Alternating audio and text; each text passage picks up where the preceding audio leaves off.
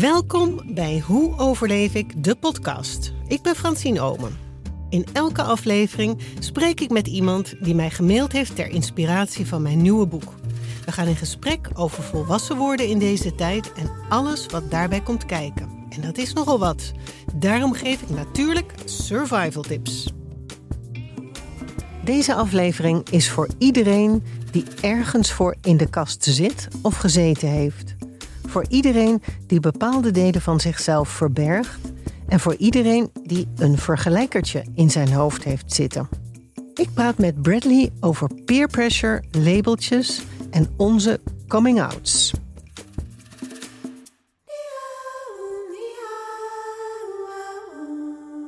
Heet je echt Bravard? Ja. Wat een fantastische naam. En dat je ouders je dan ook nog Bradley hebben genoemd. Zo'n mooie naam. Ik dacht, het is vast een, een, een aangenomen naam. Nee, maar dat het is, echt niet mijn zo. echte achternaam. Wil je beginnen met jouw ellenlange le- lange mail voor te lezen? Dat zal ik doen. Mijn ontzettend lange mail. Hij komt Luisteraars, heb even geduld. Ja, heb even geduld inderdaad. Oké, beste Francine. Mijn naam is Bradley. Ik ben een queer jongvolwassene van 27 en ik woon hier al vijf jaar in Amsterdam. Het lijkt me heel leuk om met je in gesprek te gaan. Ik werk als basisschoolleerkracht in Amsterdam. Met vrienden gegroet. Bradley Bravard. Einde. En toen had ik er nog eentje nagestuurd omdat ik dacht... Die was nog korter. Nog korter. Kan het nog korter, mand? Ja. Nog korter. Toen zei ik, ik werk... Toen eh, had je gevraagd of- er nog mensen zich konden opgeven, meer jongens. Dat Ja. oh, ze heeft mijn mail niet gelezen. Ja. En toen zei ik, beste Francine, ik werk graag mee aan de podcast of interview. Ik ben zelf queer jongen uit Zeeuws-Vlaanderen en ik ben 27. En op mijn 21ste verhuisde ik naar Grote Amsterdam. Ik heb zelf vroeger lang geYouTubed en ben ook actief op je social media. Ik heb gereageerd op je TikTok. Het lijkt me enig om langs te komen. Hoe overleef ik binnenkort 30 geworden? Is dat, is dat het ding nu? Nou, een beetje wel. Wat gebeurt er dan? Nou, ik heb het gevoel dat er dan heel veel verwachtingen komt van wat je allemaal moet doen. Vooral in carrière, op carrièregebied. En dat je dan al moet settelen en een relatie moet hebben. Maar ik weet ook alweer dat het een soort van verwachting is van wat een, he- een de hetero-relaties of een hetero-persoon vaak heeft. En dat een queer persoon dat ook alweer een heel andere soort lijn heeft. Maar ik zit wel dat ik echt denk, oh god jezus, ik word over twee jaar... Ik ga dit jaar mijn 29e levensjaar in. Want ik word 28 en dan ga je 29 jaar in. Dat ik dan 30 word. En ik heb toch wel een soort van pressure in mijn, in mijn, in mijn lichaam. Van, oh, ik word 30. Van, maar ik heb nog geen huis gekocht. En de meeste mensen die hebben dan al kinderen. En ik hoor steeds meer mensen om me heen die kinderen krijgen. Moet ik dan ook kinderen nemen? Moet ik adopteren? Waarom heb ik nog geen relatie? Dus het voelt dan toch een beetje zo'n soort van verwachting van wat de mensen om je heen allemaal doen. Eh, en het grappige is dat ik dan altijd zelf aan mensen, soort van de grap altijd maakte bij mijn vrienden, die dan richting de 30 gaan. Oh, je bent bijna 30. En nu kom ik er zelf aan en denk ik echt, oeh, ik krijg nu een soort van de muur tegen me aan. Eh, je doet wat je bij die ander hebt gedaan. Dat, dat, dat is nu een innerlijk stemmetje in jou dat het jou... eh, Ja, het is toch wel een beetje dat, de, de soort van die pressure die een beetje komt kijken. En is dat dan ehm, peer pressure, wat ze peer pressure noemen? Dus je, of de maatschappij, de, de verwachtingen van de maatschappij, die je in je nek voelt hijgen? Ja, toch wel een beetje. Ik denk toch wel een beetje van alles wat je om me heen ziet. Ik zie wel echt veel meer vrienden van mij die eh, een carrière hebben en ook echt veel verdienen of nu een huizen gaan kopen en zo. En dan denk ik, loop ik dan achter? Hoe Ja. overleef ik achterlopen? Ja. Dat ik denk dat ik Hoe kan ik het, achterloop. moet ik het inhalen of is het gewoon goed zoals het is? Kan je het ook, zou je het ook in je hoofd kunnen omdraaien dat mensen jaloers zijn op jou, omdat jij, Ja, oh, nu zegt. ja, dat jij je nog helemaal niet vastgelegd hebt aan hypotheek, huisje, boompje, beestje, maar dat voor jou de wereld nog open ligt? Ja, dat is natuurlijk ook wel eens een hele mooie, hele mooie visie inderdaad. Ja, als je het gewoon omkeert. Ik ben nog vrij. Ja, de wereld is, the world is my oyster. Ja. En ik kan, ik hoef niet elke maand die hypotheek op te hoesten en niet de hond uit te laten elke Ja. ochtend om zes uur. Ja, dat is wel zo. Of die poepbroek om, Oh. om drie uur s'nachts verschonen en om vier uur en om vijf uur. Nee, ik zit wel echt over na te denken. Heb jij ook zo'n geniepig vergelijkertje in je hoofd zitten? Die de hele tijd naar anderen gluurt en teksten uitkraamt als... Oh, maar die heeft een veel betere baan dan ik. En die heeft op zijn 32e al een joekel van een huis gekocht. Oh, en kijk eens, die heeft al tien jaar lang een fantastische relatie. En het langst dat ik met iemand geweest ben, is nog geen tien dagen. En zij is mooier, hij is succesvoller, zij heeft het voor elkaar. Mijn zus komt alles aanwaaien. Hij loopt voor, ik loop achter. Ik ben een loser, zij zijn succesvol, ik ben niet. Oh, stop. Maakt dat vergelijkertje jou gelukkig? Nee, doodongelukkig. Is dat zijn bedoeling? Nee, hij probeert jou te helpen, te beschermen en te overleven. Hoe dan? Hoe dan? Door jou aan te sporen beter je best te doen. Hij denkt dat als hij er wat voorbeelden bij haalt, dat dat jou aanmoedigt en inspireert. Is een zeer gestrest geval, de vergelijker. En uberkritisch en vooral heel vaak aanwezig. Hij is van jongs af aan gevoed door je ouders, door het consultatiebureau waar je groei- en ontwikkelingscurve al werd vergeleken met het gemiddelde, de CITO-toetsen die zo onderhand al op de peuterspeelzaal beginnen, het schoolsysteem, gooi daar nog een flinke schep social media, het bedrijfsleven dat goud geld verdient aan jouw onzekerheid bij en ga zo maar door. Combineer dat met de menselijke behoefte om erbij te horen en bemind te worden. Het vergelijkertje denkt dat jij niet goed genoeg bent. Het hunkert naar erkenning en bevestiging. Maar wat is nou eigenlijk de tegenpol van het vergelijkertje? Dat is een deel van jou dat ervan overtuigd is dat jij goed genoeg bent. Dat je niet hoeft te presteren om te mogen bestaan. Dat jij jezelf niet hoeft te bewijzen. Een tevreden typeje is het. Ik had bedacht, misschien is het een poes. Dieren vergelijken zich niet met elkaar. En een poes is heel erg goed in tevreden zijn en in het hier en nu zijn. En omdat onze vroegere poes Poesie heette, ehm, heet nu de tegenpool van mijn vergelijkertje Poesie. En als jij nou kon kiezen, en dat kan je, wie heb je liever naast je liggen als je s'avonds in bed ligt te Insta scrollen? Het vergelijkertje of Poesie? Wat ook helpt is dat je het vergelijkertje influistert. Hé hey joh, het is allemaal schone schijn. Het is allemaal niet zo mooi als het lijkt.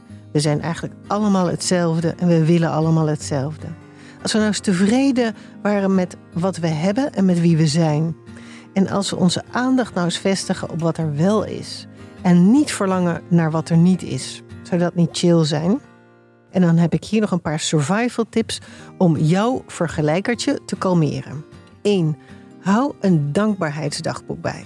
Schrijf elke avond na het scrollen, voor je gaat slapen, 10 dingen op waar je dankbaar voor bent. Gegarandeerd dat je dan beter slaapt. 2. Hou jouw vergelijkertje in de gaten. Zodra hij iets roept, schakel zijn tegenpol in. In mijn geval is dat dus poesie. 3. Doe elke ochtend bij het tandenpoetsen de truc met de spiegel. Bedelf jezelf met complimenten. Zoveel dat je er verlegen van wordt. 4. Doe dat ook elke avond. Terug naar Bradley. Je bent in Zeeuws-Vlaanderen opgegroeid. Ja. Dat is een redelijk conservatieve omgeving, mag ik dat zeggen? Ja, redelijk, ja. Heb jij last gehad van peer of parent pressure? Ehm, ik heb... Nou, mijn ouders waren sowieso best wel heel erg open. Dus met ja, alleen de parent pressure dan heel erg met mijn carrière. Van, ga dan dingen doen. En peer pressure, eens even na te denken hoor. Eh, nou, ik was eigenlijk wel degene die er dan weer niet, heel erg, niet echt heel erg in zat. Want ik was juist het heel erg opvallende kind in de klas. Op de basisschool begon ik al met theater en met dans. En alle kinderen, mijn, alle jongens in mijn klas, die deden allemaal voetbal. En ik wilde dat niet doen. En daardoor viel ik eigenlijk al heel erg buiten de boot. En dat merkte je ook al in pestgedrag. En ja, je was toch weer anders. En op die manier kwam er naar boven. Dus eigenlijk op de basisschool had ik daar niet echt last van. Maar je bent wel gepest, zeg je? Ja, ja ik ben wel gepest. Maar je had er geen last van? Als in geen last van de pressure zelf, maar, als in, maar ik bleef, bleef dan toch mezelf. Maar de last was wel... Met, Ja, het beste. Ja, Peerpesten. ja, dus omdat ik dan niet meedeed. Ja, het is inderdaad iets anders, klopt. Ja. En deed dat iets met je zelfvertrouwen? Ja, ik durfde gewoon een soort van ehm, naar nieuwe mensen, die dan daar niet mee gewerkt, op basisschool, middelbare school, liet, liet ik mezelf ook niet echt zien, denk ik. Eh, en schaamde ik me dan ook over wat ik deed. Dus ik, vaak verbloemde ik het ook al heel erg met oh ja, ik doe af en toe theaterles en ik doe dan hip-hop. Terwijl ik helemaal geen hip-hop deed. Maar dat was dan een soort van cool nog, hè? Ja, In de heteronormatieve Ja. samenleving is hiphoppen best wel... stoer Ja. en dat was dan weer iets. Dat is beter dan dat je zegt, ik zit op, als, als, als jongetje, ik zit op jazz of op klassiek ballet. Ja, en ik zat op jazzballet. En je zei dat je naar hip-hop ging. Ja, ik zei dat naar hip-hop ging, om het maar een beetje te verbloemen. Dus dat, misschien was dat dan weer de peer pressure, dat ik dan maar mezelf een iets anders, nou ja, iets anders zei dan wat ik deed. Ja. Maar dan wel, ze wisten wel allemaal dat ik theater deed. Totdat ik in een professionele musical terecht kwam. En toen was het, oh, hij, kan wel, hij is wel goed in wat hij doet. En eh, oh, hij verdient geld met, eh, met als kind zijn in een professionele musical. Ging daar ook mee uitsloven. Zei ik van, ja, maar ik verdien per voorstelling 50 euro. en dan was het gelijk weer, oh, hij kan het wel. Oké. Ja. Oh, Bradley, koop een ijsje voor me. Ja, precies. Probeer ik daar weer stoer mee te doen, van dat ik er dan weer geld mee verdient, omdat het dan weer iets anders was. Maar ik verdien er wel geld mee hoor. Ja. Ook weer zo stom eigenlijk. Ja, en op de middelbare school ook wel met ta- talentenjacht, talentenjachten meegedaan. En ook pro- probeer ik mezelf dan te bewijzen naar de jeugd toe. Van wat ik kan, dat, ik ben daar wel goed in. Dus Ja. neem me nou voor wat ik ben. Ik hou niet van voetbal en ik ben slecht in voetbal. Ja, Eh, Ik ben dan anders. ik weet de niks van auto's en het interesseert Nee. niet. Nee. Geef mij maar gewoon een auto die zwart is en het is prima en ik kan Ja, rijden. en rijdt. En eh, ja, dat de schokdempers er niet uitvallen. En eh Ja. is het goed, ja. Precies. Dus, ja, dus er was de verwachtingen van je omgeving speelden echt wel een rol. En wat voor rol speelden je ouders daarin? Zij waren heel open. Dus ja. en in open als ruimdenkend? Ja. Ja, best wel. Ik denk dat mijn moeder daar sowieso heel open in was. En eh, als ik ook nadenk over mezelf, over... eh, ze waren juist ook degene die zeiden van doe het nou maar gewoon. Ehm, en ze kwamen ook zelf met een, wil je auditie doen voor een musical ding? En toen zei ik van, wil je dat? Want toen was ik naar een musical geweest, eh de Griezelbus, die musical. dat was mijn allereerste musical Paul ooit. van Loon, ja. Ja, Paul van Loon. Ehm, en toen had ik dat gezien met mijn vader. En toen kwam er een auditie voorbij. En toen was hij juist degene die zei... hey, je vond het zo leuk. Waarom ga je niet auditie doen? En toen heb ik dat gedaan voor een theatershow. En toen was ik er aangenomen. En eigenlijk daar kwam mijn liefde van creativiteit en mijn creatief uiten voorbij. En mijn ouders waren wel daarin. Maar dus jouw ouders zagen jou wel. Ja. Die probeerden jou niet te maken tot iets wat je niet was, zodat je zeg maar in het, in het plaatje paste. Maar ze, ze zagen jou wel. Ja. En ze vonden, ze hielden van jou zoals je was. Ja, Je hoefde niet, het was niet een soort voorwaardelijkheid. Van nee. als jij nou maar gewoon als een keurig net jongetje precies gedraagt. Dat was dus niet zo. Dat bedoel je met open. Ja, dus dat is wel Ze heel lieten jou vrij. Ja, ze lieten me heel erg vrij. En als, in, als ik iets niet wilde meer doen, dan was het ook wel, dan stopten we ermee. Dus toen ik 16 was, ben ik gestopt met mijn musical en theater op lessen.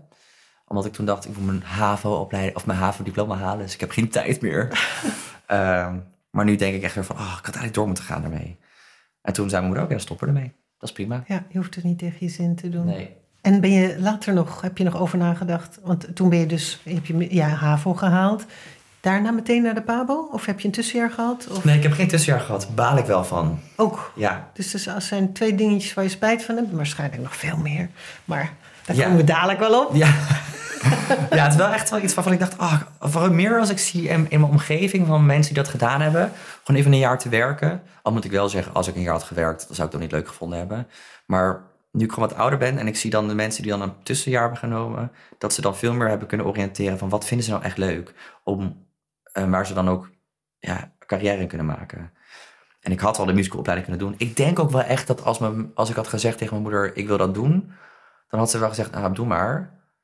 Maar toch was er dan vaker het stemmetje van, zeg maar, let wel op, hè, de kans dat je tegen bereikt. Is, Ja, die was zo geïnternaliseerd, die Ja. stem van je moet wel veilig zijn. Je moet, Ja. ehm, gewoon een beetje de angst neem het risico ouders. niet. Ja, Neem het precies. zekere voor het onzekere. Oh, die uitspraak. Ja. Die zette wel Dus die zit er in. hartstikke, ja.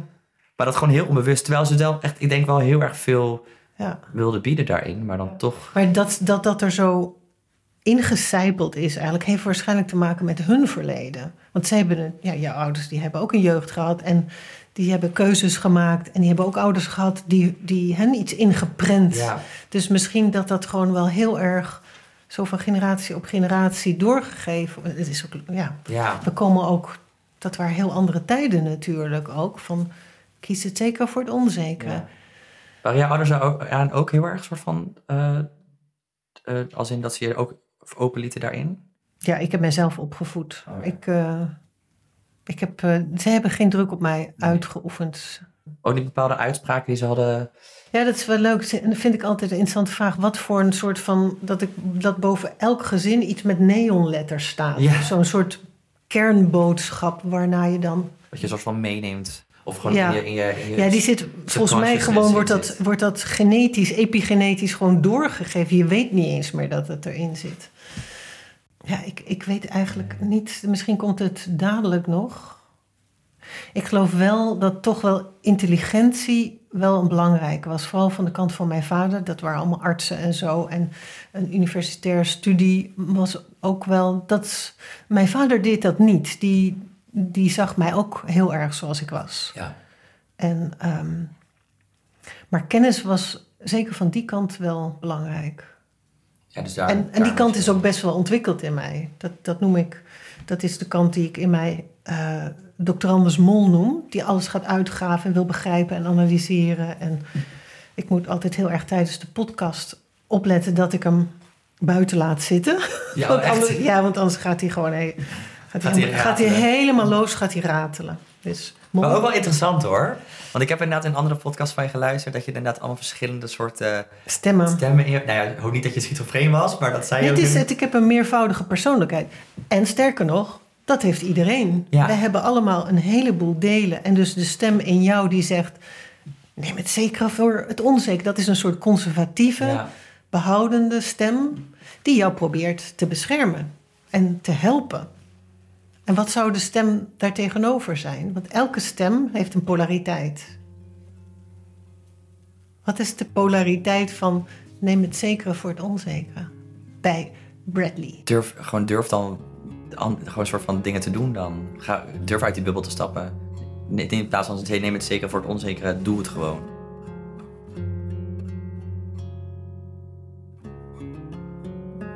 In de aflevering waarin ik sprak met Juriaan over zijn impostersyndroom, hadden we het over de verschillende stemmen in je hoofd en hoe je daarmee in gesprek kunt gaan. Alweer twee stemmen die elkaars tegenpool zijn: de afremmer en de aanmoediger. Als je merkt dat jouw afremmer aan het werk is, kun je de aanmoediger vragen je te helpen. Je bent niet onzeker, je hebt een onzeker deel en ook een zelfverzekerd deel. Schakel dat in. En mijn tip is: geef je delen namen en teken ze. Als ze namen en een uiterlijk hebben, worden ze concreet. Dan kun je er iets mee. Wat ook leuk is om er een passend Lego of Playmobil poppetje bij te zoeken. Die zijn handig klein. Dus een poppetje dat symbool staat voor jouw innerlijke afremmer en een poppetje dat staat voor jouw innerlijke aanmoediger of innerlijke cheerleader. Je laat de innerlijke afremmer thuis. Die, leg je gewoon lekker in een klein poppenbedje in een luciferdoosje en zeg: joh, blijf lekker thuis. Eh, ik ben eh, heel blij dat je mij probeert te helpen en te beschermen, maar ik ga nu op pad. Ik ga dit sollicitatiegesprek doen met je tegenpool, de inner cheerleader. En je stopt dat poppetje in je zak en als het dan spannend wordt, dan hou je dat poppetje vast en dan steunt dat jou.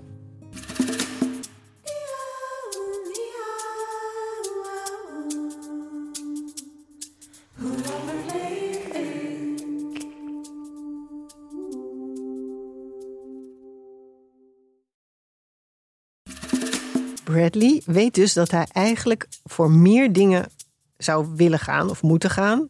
Het gewoon moet doen. Maar dat is makkelijker gezegd dan gedaan.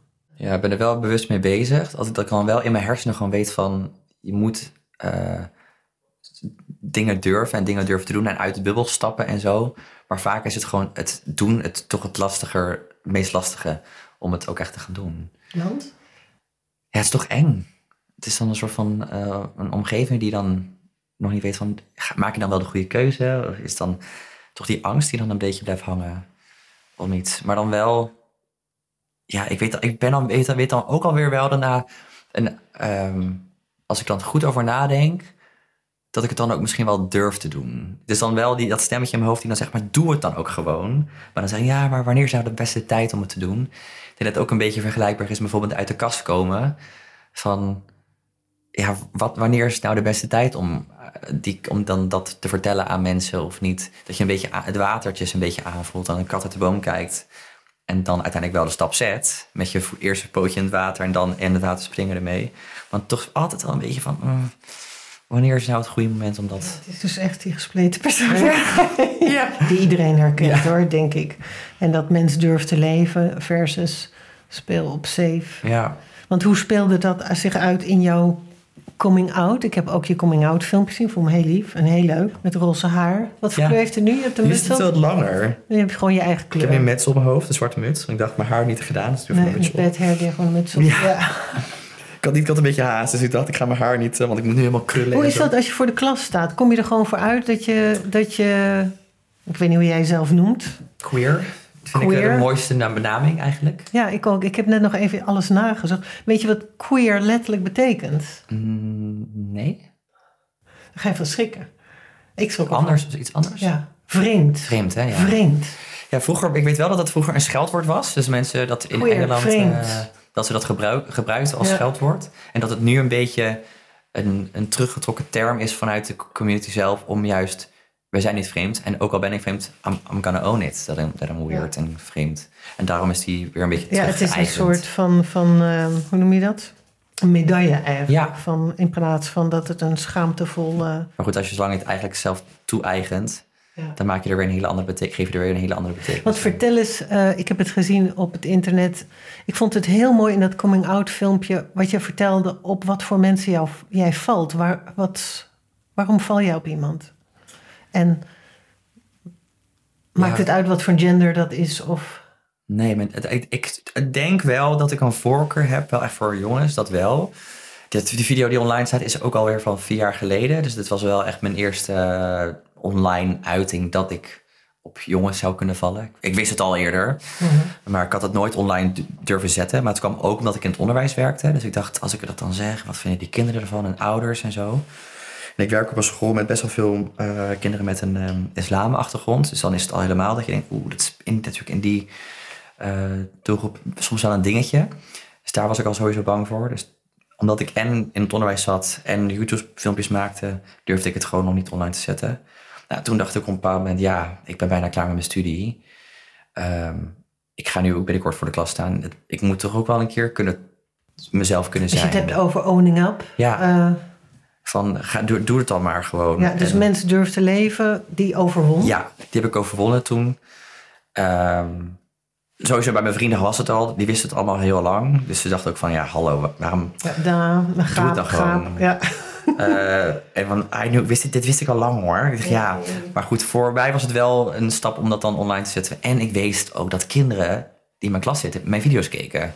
Dus het was voor mij ook een beetje dat ik dacht, als ze de video hebben gezien, dan weten ze het al in de klas. En hoef ik het niet in de klas te zeggen van, jongens, ik ben dit of uh, ik kan dit zijn. Een beetje dat ze dan zelf naar mij toe zouden komen met de vraag. Nou, toen heb ik die video gemaakt.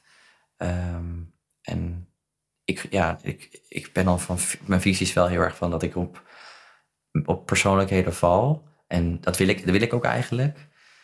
Um, en, maar ik heb wel mijn voorkeur, als ik echt naar, naar fysieke aantrekkingskracht kijk, naar hoe iemand eruit ziet, dan heb ik wel een voorkeur voor jongens. Maar ja, wie weet dat ik over tien jaar in één keer een relatie met een vrouw heb. Ja. Wie zegt dat ik over een met een non-binair persoon. Je weet ja, het dat, gewoon dat nooit. vond ik heel mooi in die video van jou, dat je heel genuanceerd was. Je zei, ik val op de, de kwaliteiten van mensen, zei je. Dat zijn dus eigenlijk de persoonlijkheidskenmerken. Wie? De inhoud eigenlijk van Ja. iemand. En ik vond het ook heel mooi dat je nuanceerde van... ja, dit is gewoon zoals ik het nu voel... maar dat kan over een half jaar of over twee weken... of over tien jaar anders zijn. Ja. Want ik ontwikkel mij, ik beweeg. Ik ben niet een soort van statie. Ik ben nu gay, stempel voor de Ja. rest van mijn leven op mijn voorhoofd. Precies dat. Dat vond ik heel mooi dat je dat zei. En ik heb ook nog even die termen allemaal erbij gezocht. En dat je zegt van ik val eigenlijk op de inhoud van. Dat heet panseksueel dus. Mhm. Dat ben ik ook. Op mij passen, ik geloof wel vier of vijf labels trouwens hoor. Dus uh, Eigenlijk, zeg- eigenlijk zeg ik van ja, waarom heb ik een labeltje nodig? Dat is ook Ja. een beetje ja, gedachte. natuurlijk. maar ik snap ook dat heel veel mensen soms het labeltje nodig hebben. Een vriend van mij is bijvoorbeeld biseksueel. En, hij, en we hebben heel veel gesprekken gehad met elkaar over ja, open zijn. En waarom ga je niet gewoon daten met jongens? Maar dat vond hij dan eng. En hij heeft echt het labeltje biseksueel nodig om zichzelf te kunnen begrijpen. En ik heb eigenlijk het labeltje niet nodig. Vandaar het woordje queer, dat is eigenlijk het woordje voor labelloos. Maar je geeft jezelf toch voor de maatschappij een label. Ja, in ieder geval dat je niet cis bent. Ja, niet cis. Ja, je bent wel cis. Cis is natuurlijk, of niet pan, hè? Wacht. Lees aan de woorden. Sapiocis. Ja, cis is dat je, je voelt in je lichaam hoe je je voelt. Dus als je cisgender bent. Oh ja, dat, klopt. Dat is dat je samenvalt met waar, waar, Ja, zoals je geboren bent. bent. Ja. Nou, hetero dan. Ja, hetero, ja. Ik ben niet hetero. ben niet hetero. Nee. Klopt dat ik gewoon daarin dan Nee, anders... cis is in de... Oh man, duizel man. Zoveel dingen zijn er hoor, ja. Ik ben ook nieuwe labels aan het uitvinden. Ik val bijvoorbeeld, ik vind als mensen goede humor hebben, dan vind ik dat heel, kan ik heel sexy vinden. Iemand die intelligente, talige humor heeft, bestaat geen woord voor. Wel bijvoorbeeld als je op intelligentie valt. Sapio, ik ben ook een sapioseksueel. Ik val op, De, de Ja. mind van iemand. ja, beetje. op de mind. En dat gaat niet over intelligentie, maar denk ik wel vaak over of mensen out- out of the box kunnen denken. Ja. Dat is eigenlijk niet sapio, want sapioseksueel is. Sapio komt van de denkende mens, hè? Homo sapiens. Mhm. Maar iemand, een out-of-the-box seksueel. Ja, misschien moet het een out, out of de een OOTB sexual. OOTB. Ik, val, ik ben OO, OOTB sexual, ja. Geen OCD-seks. Oh al die labels tegenwoordig. Maar als je op humor valt. Ik had gedacht wit. Wit is een soort van slimme Witty. humor. Witty. Witty-sex. Ja. Video sexual. Ben jij dat ook? Val je ook op mensen die met humor hebben? Nou, ik vind het wel belangrijk, ja. Ik Ja. heb, mijn, ik heb een, eh, voor het eerst een relatie met een jongen gehad. eh, nu is een jaar uit. Eh, twee jaar lang met een relatie met hem gehad. Maar hij heeft, had een soort van zo'n...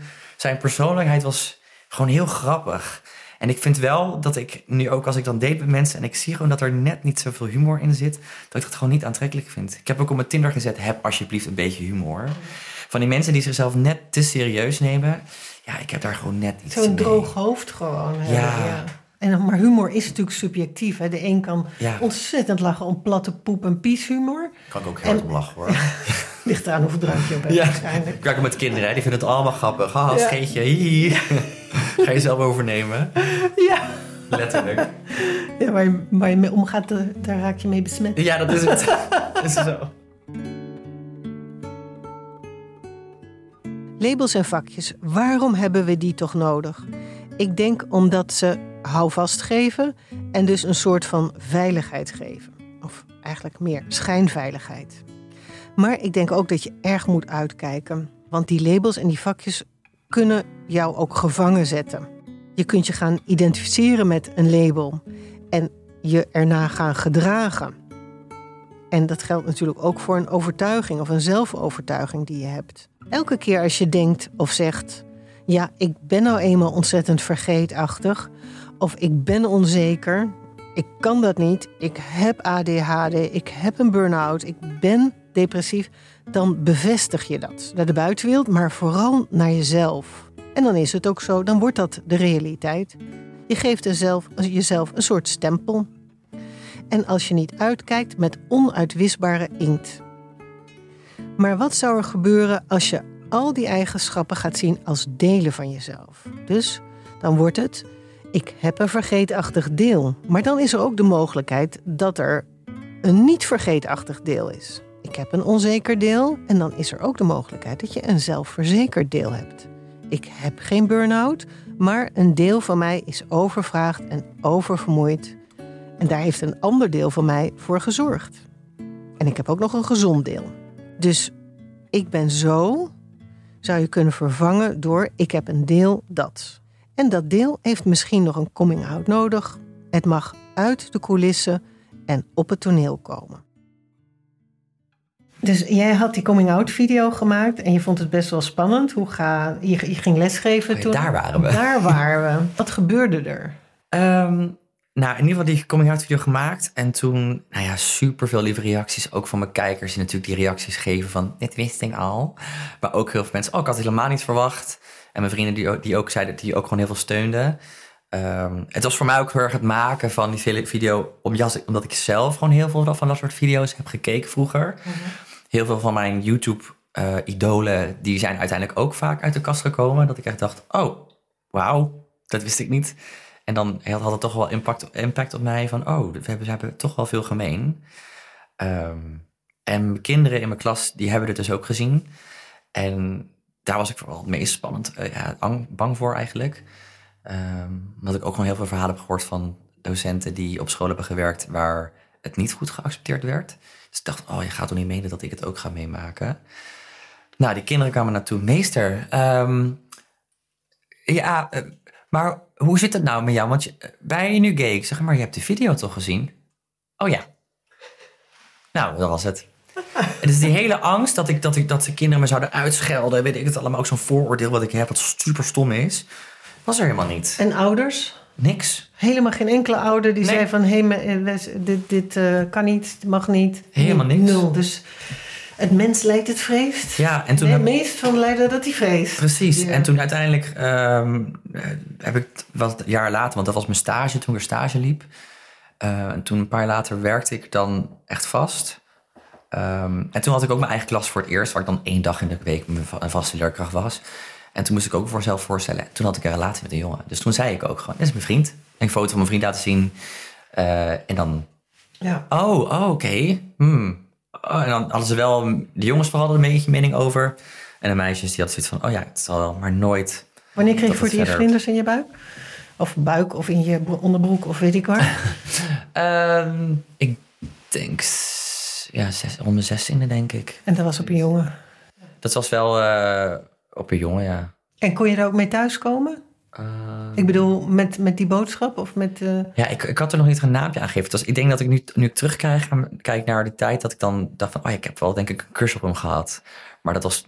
Dat gevoel liet ik gewoon niet toe, eigenlijk. Maar ik, ik, ik had wel altijd, dat als ik dan iemand zag van... oh, hij is zo knap. Oh, hij is zo knap. Ja, dat je een beetje Heel lichamelijke reacties. Ja. Een hartkloppingje of, uh, ja. of handjes of okseltjes. Of ja, maar dan nooit, nooit echt... Um, daar, dat dan weer koppelen aan, aan dat ik dan queer, queer of gay zou zijn of zo. Maar gewoon, ja. Je was gewoon jij. Je was gewoon Bradley. Ja, gewoon nooit over nagedacht. En toen uiteindelijk, was ik 17 of 18. Toen leerde ik wat meer mensen die queer zijn kennen. En toen raakte ik bevriend met een jongen. En toen dacht ik eigenlijk van, oh, hij was dan gay. En dat, omdat ik dan veel meer daarmee omging, ging het... En ik was zelf ook een beetje in mijn zoektocht van wat, wat, wat zou ik dan zijn? Ik was, nog, was nog maagd, ik heb nog nooit gezoend. Of ik had wel gezoend trouwens, maar nooit iets gedaan, nooit gedate. En omdat hij het allemaal wel deed, dacht ik van, oh, dan misschien moet ik dat ook maar gaan doen. En toen heb ik eigenlijk de stap gezet om dat te gaan doen. Ik voor het eerst seks gehad met iemand, um, gedate met een jongen. En ik durfde dat eigenlijk pas te doen in een omgeving waar ik niet in Nederland was. Ik moet nu even mezelf verontschuldigen, want in dit, op dit moment van de opname kreeg ik een hongerklap en stopte ik een koekje in mijn mond en dat hoor je. Dus als je niet uh, tegen eetgeluiden kunt, spoel dan eventjes drie minuten door. Maar hoe was het voor jou de, met op latere, latere leeftijd uit de kast gekomen? Nou ja, uit de kast gekomen. Uh, dan, ja, als je het zo moest, zo stom. Ik vind dat uit de kast komen eigenlijk zo stom. Ik vind eigenlijk meer coming in, want je laat mensen toe Precies, naar binnen. Ja. Um, en je laat iets van jezelf zelf, toe. Ja. Dus ik vind eigenlijk coming out een stomme benaming daarvoor. Ja. Totdat iemand zei dat coming in een mooie benaming is, denk ik, oh, dat is echt veel mooier. je laat mensen binnen, mensen binnen. Ja. Um, hoe dat voor jou was, want op welke leeftijd was het ook alweer dat, dat het voor jou kwam?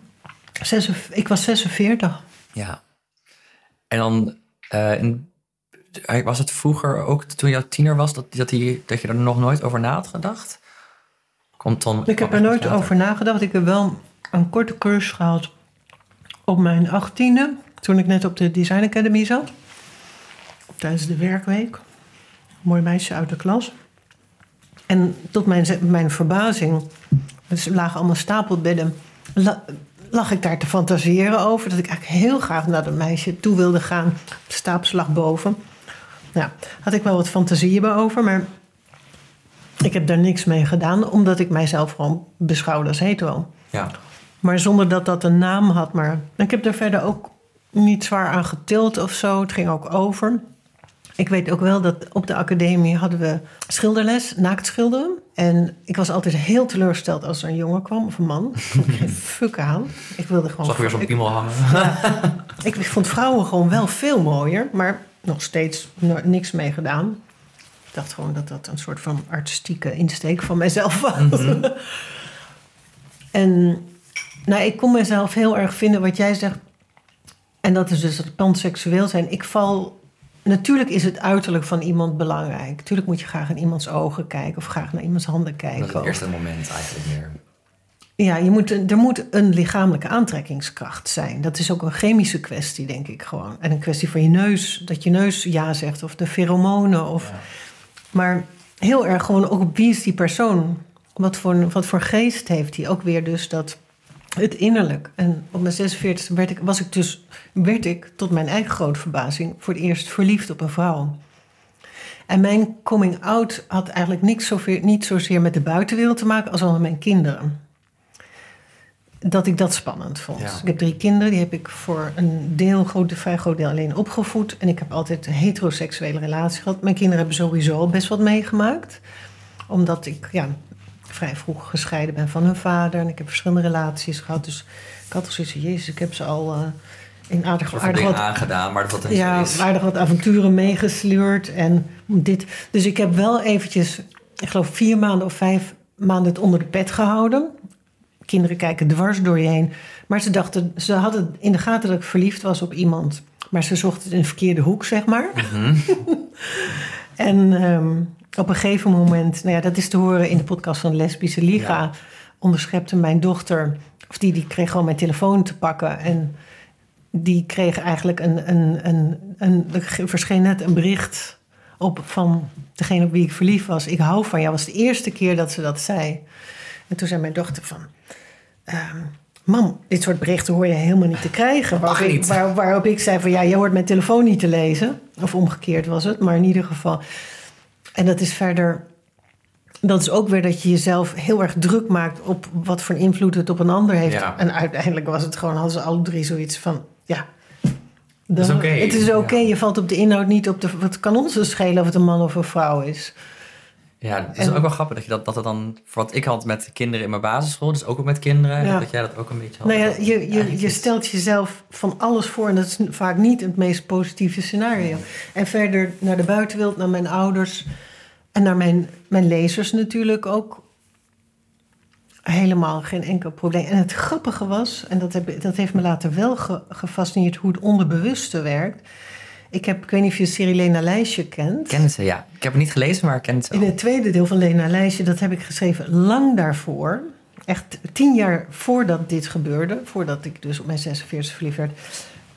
Treft, het geheim van Lena Lijstje is dat ze haar moeder aantreft op de bank, zoenend met een vrouw. Mm. Dat Lena denkt van hem. Dus ik heb het allemaal al beschreven, wat er ging gebeuren voordat het gebeurd was. Heel raar. onderbewust of Ja. Nou ja, mijn vader zou zeggen dat is de toekomst die zijn schaduw terugwerpt. Dus het is er eigenlijk al geweest.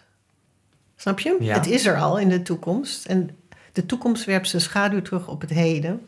Dus iets wat er al staat te gebeuren. Nou ja, een soort metafysische abracadabra. Nou, mooi hoor. Zeker. Maar ik heb dat dus al helemaal in Lena Lijstje tien jaar van tevoren. Gewoon al helemaal beschreven. Ja. En ook naar mijn lezers toe. En natuurlijk in uh, de Hoe overleef ik serie Jonas. Die in het begin van de serie struggelt met zijn geaardheid. En dan ook gesteund door zijn vrienden. Uh, die hem gewoon helpen uit de kast komen. Ook verder geen enkel probleem. En Limburg is ook een vrij conservatieve omgeving. Dus... En ik denk ook nog steeds, ik kan ook verliefd worden op een man. Ja. Het gaat om de inhoud. Precies. Niet om de verpakking. Nou, de verpakking moet me wel aantrekken. Maar het belangrijkste is iemands aard, iemands persoonlijkheid. Ik moest tijdens het gesprek met Bradley erg denken aan Jonas. En um, daarom ga ik een stukje voorlezen uit Hoe overleef ik mijn vader, waarin Jonas eindelijk helemaal uit de kast komt. Mail van Jonas de Leeuw. Mail aan Rosa van Dijk. Verzonden dinsdag 23 februari. Onderwerp de krokodil die een vlinder was. Lieve Rosie Dozie.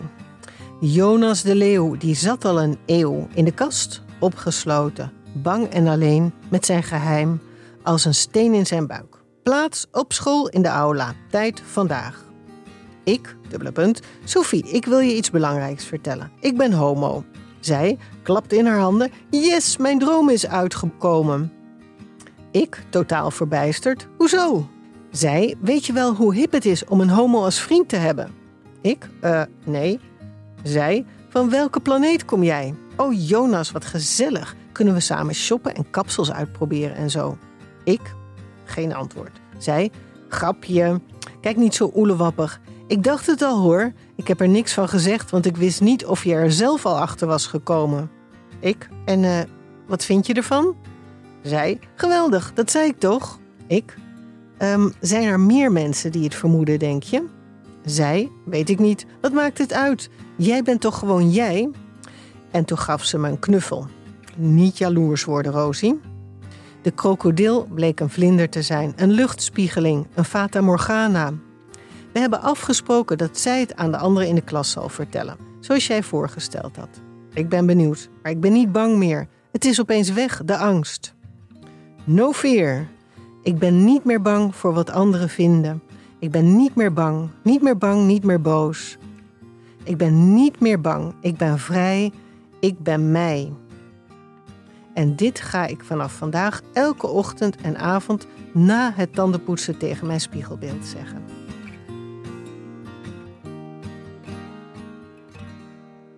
Dit stukje kwam uit Hoe overleef ik mijn vader? En dat is het één na laatste deel van de Hoe overleef ik serie. Je kunt het helaas op dit moment bijna nergens meer vinden. Maar we gaan de oorspronkelijke Hoe overleef ik serie in augustus opnieuw uitgeven. Ik heb ooit ook een prequel geschreven. Eigenlijk een deel 0, dat voor Hoe overleef ik mijn vakantie speelt. Die komt in de reeks ook uit als het nieuwe eerste boek. En het laatste deel is Hoe overleef ik New York-Berlijn. Die kan je dan ook lezen. Daarin is Rosa 18. En natuurlijk, mijn nieuwe boek gaat komen waaraan ik nu nog schrijf. Hoe overleef ik alles wat ik niemand vertel? En daarin is Rosa 26 jaar. Je kunt de podcast en de informatie over de boeken volgen op Instagram. Het Hoe overleef ik en uh, mijn website hoeoverleefik.nu. En ik maakte deze podcast met Dag en Nacht Media en Podimo. Mijn producer is Esther Krabbedam en de eindmix is gedaan door Jeroen Sturing. Muziek is van Kloop. Tot de volgende aflevering.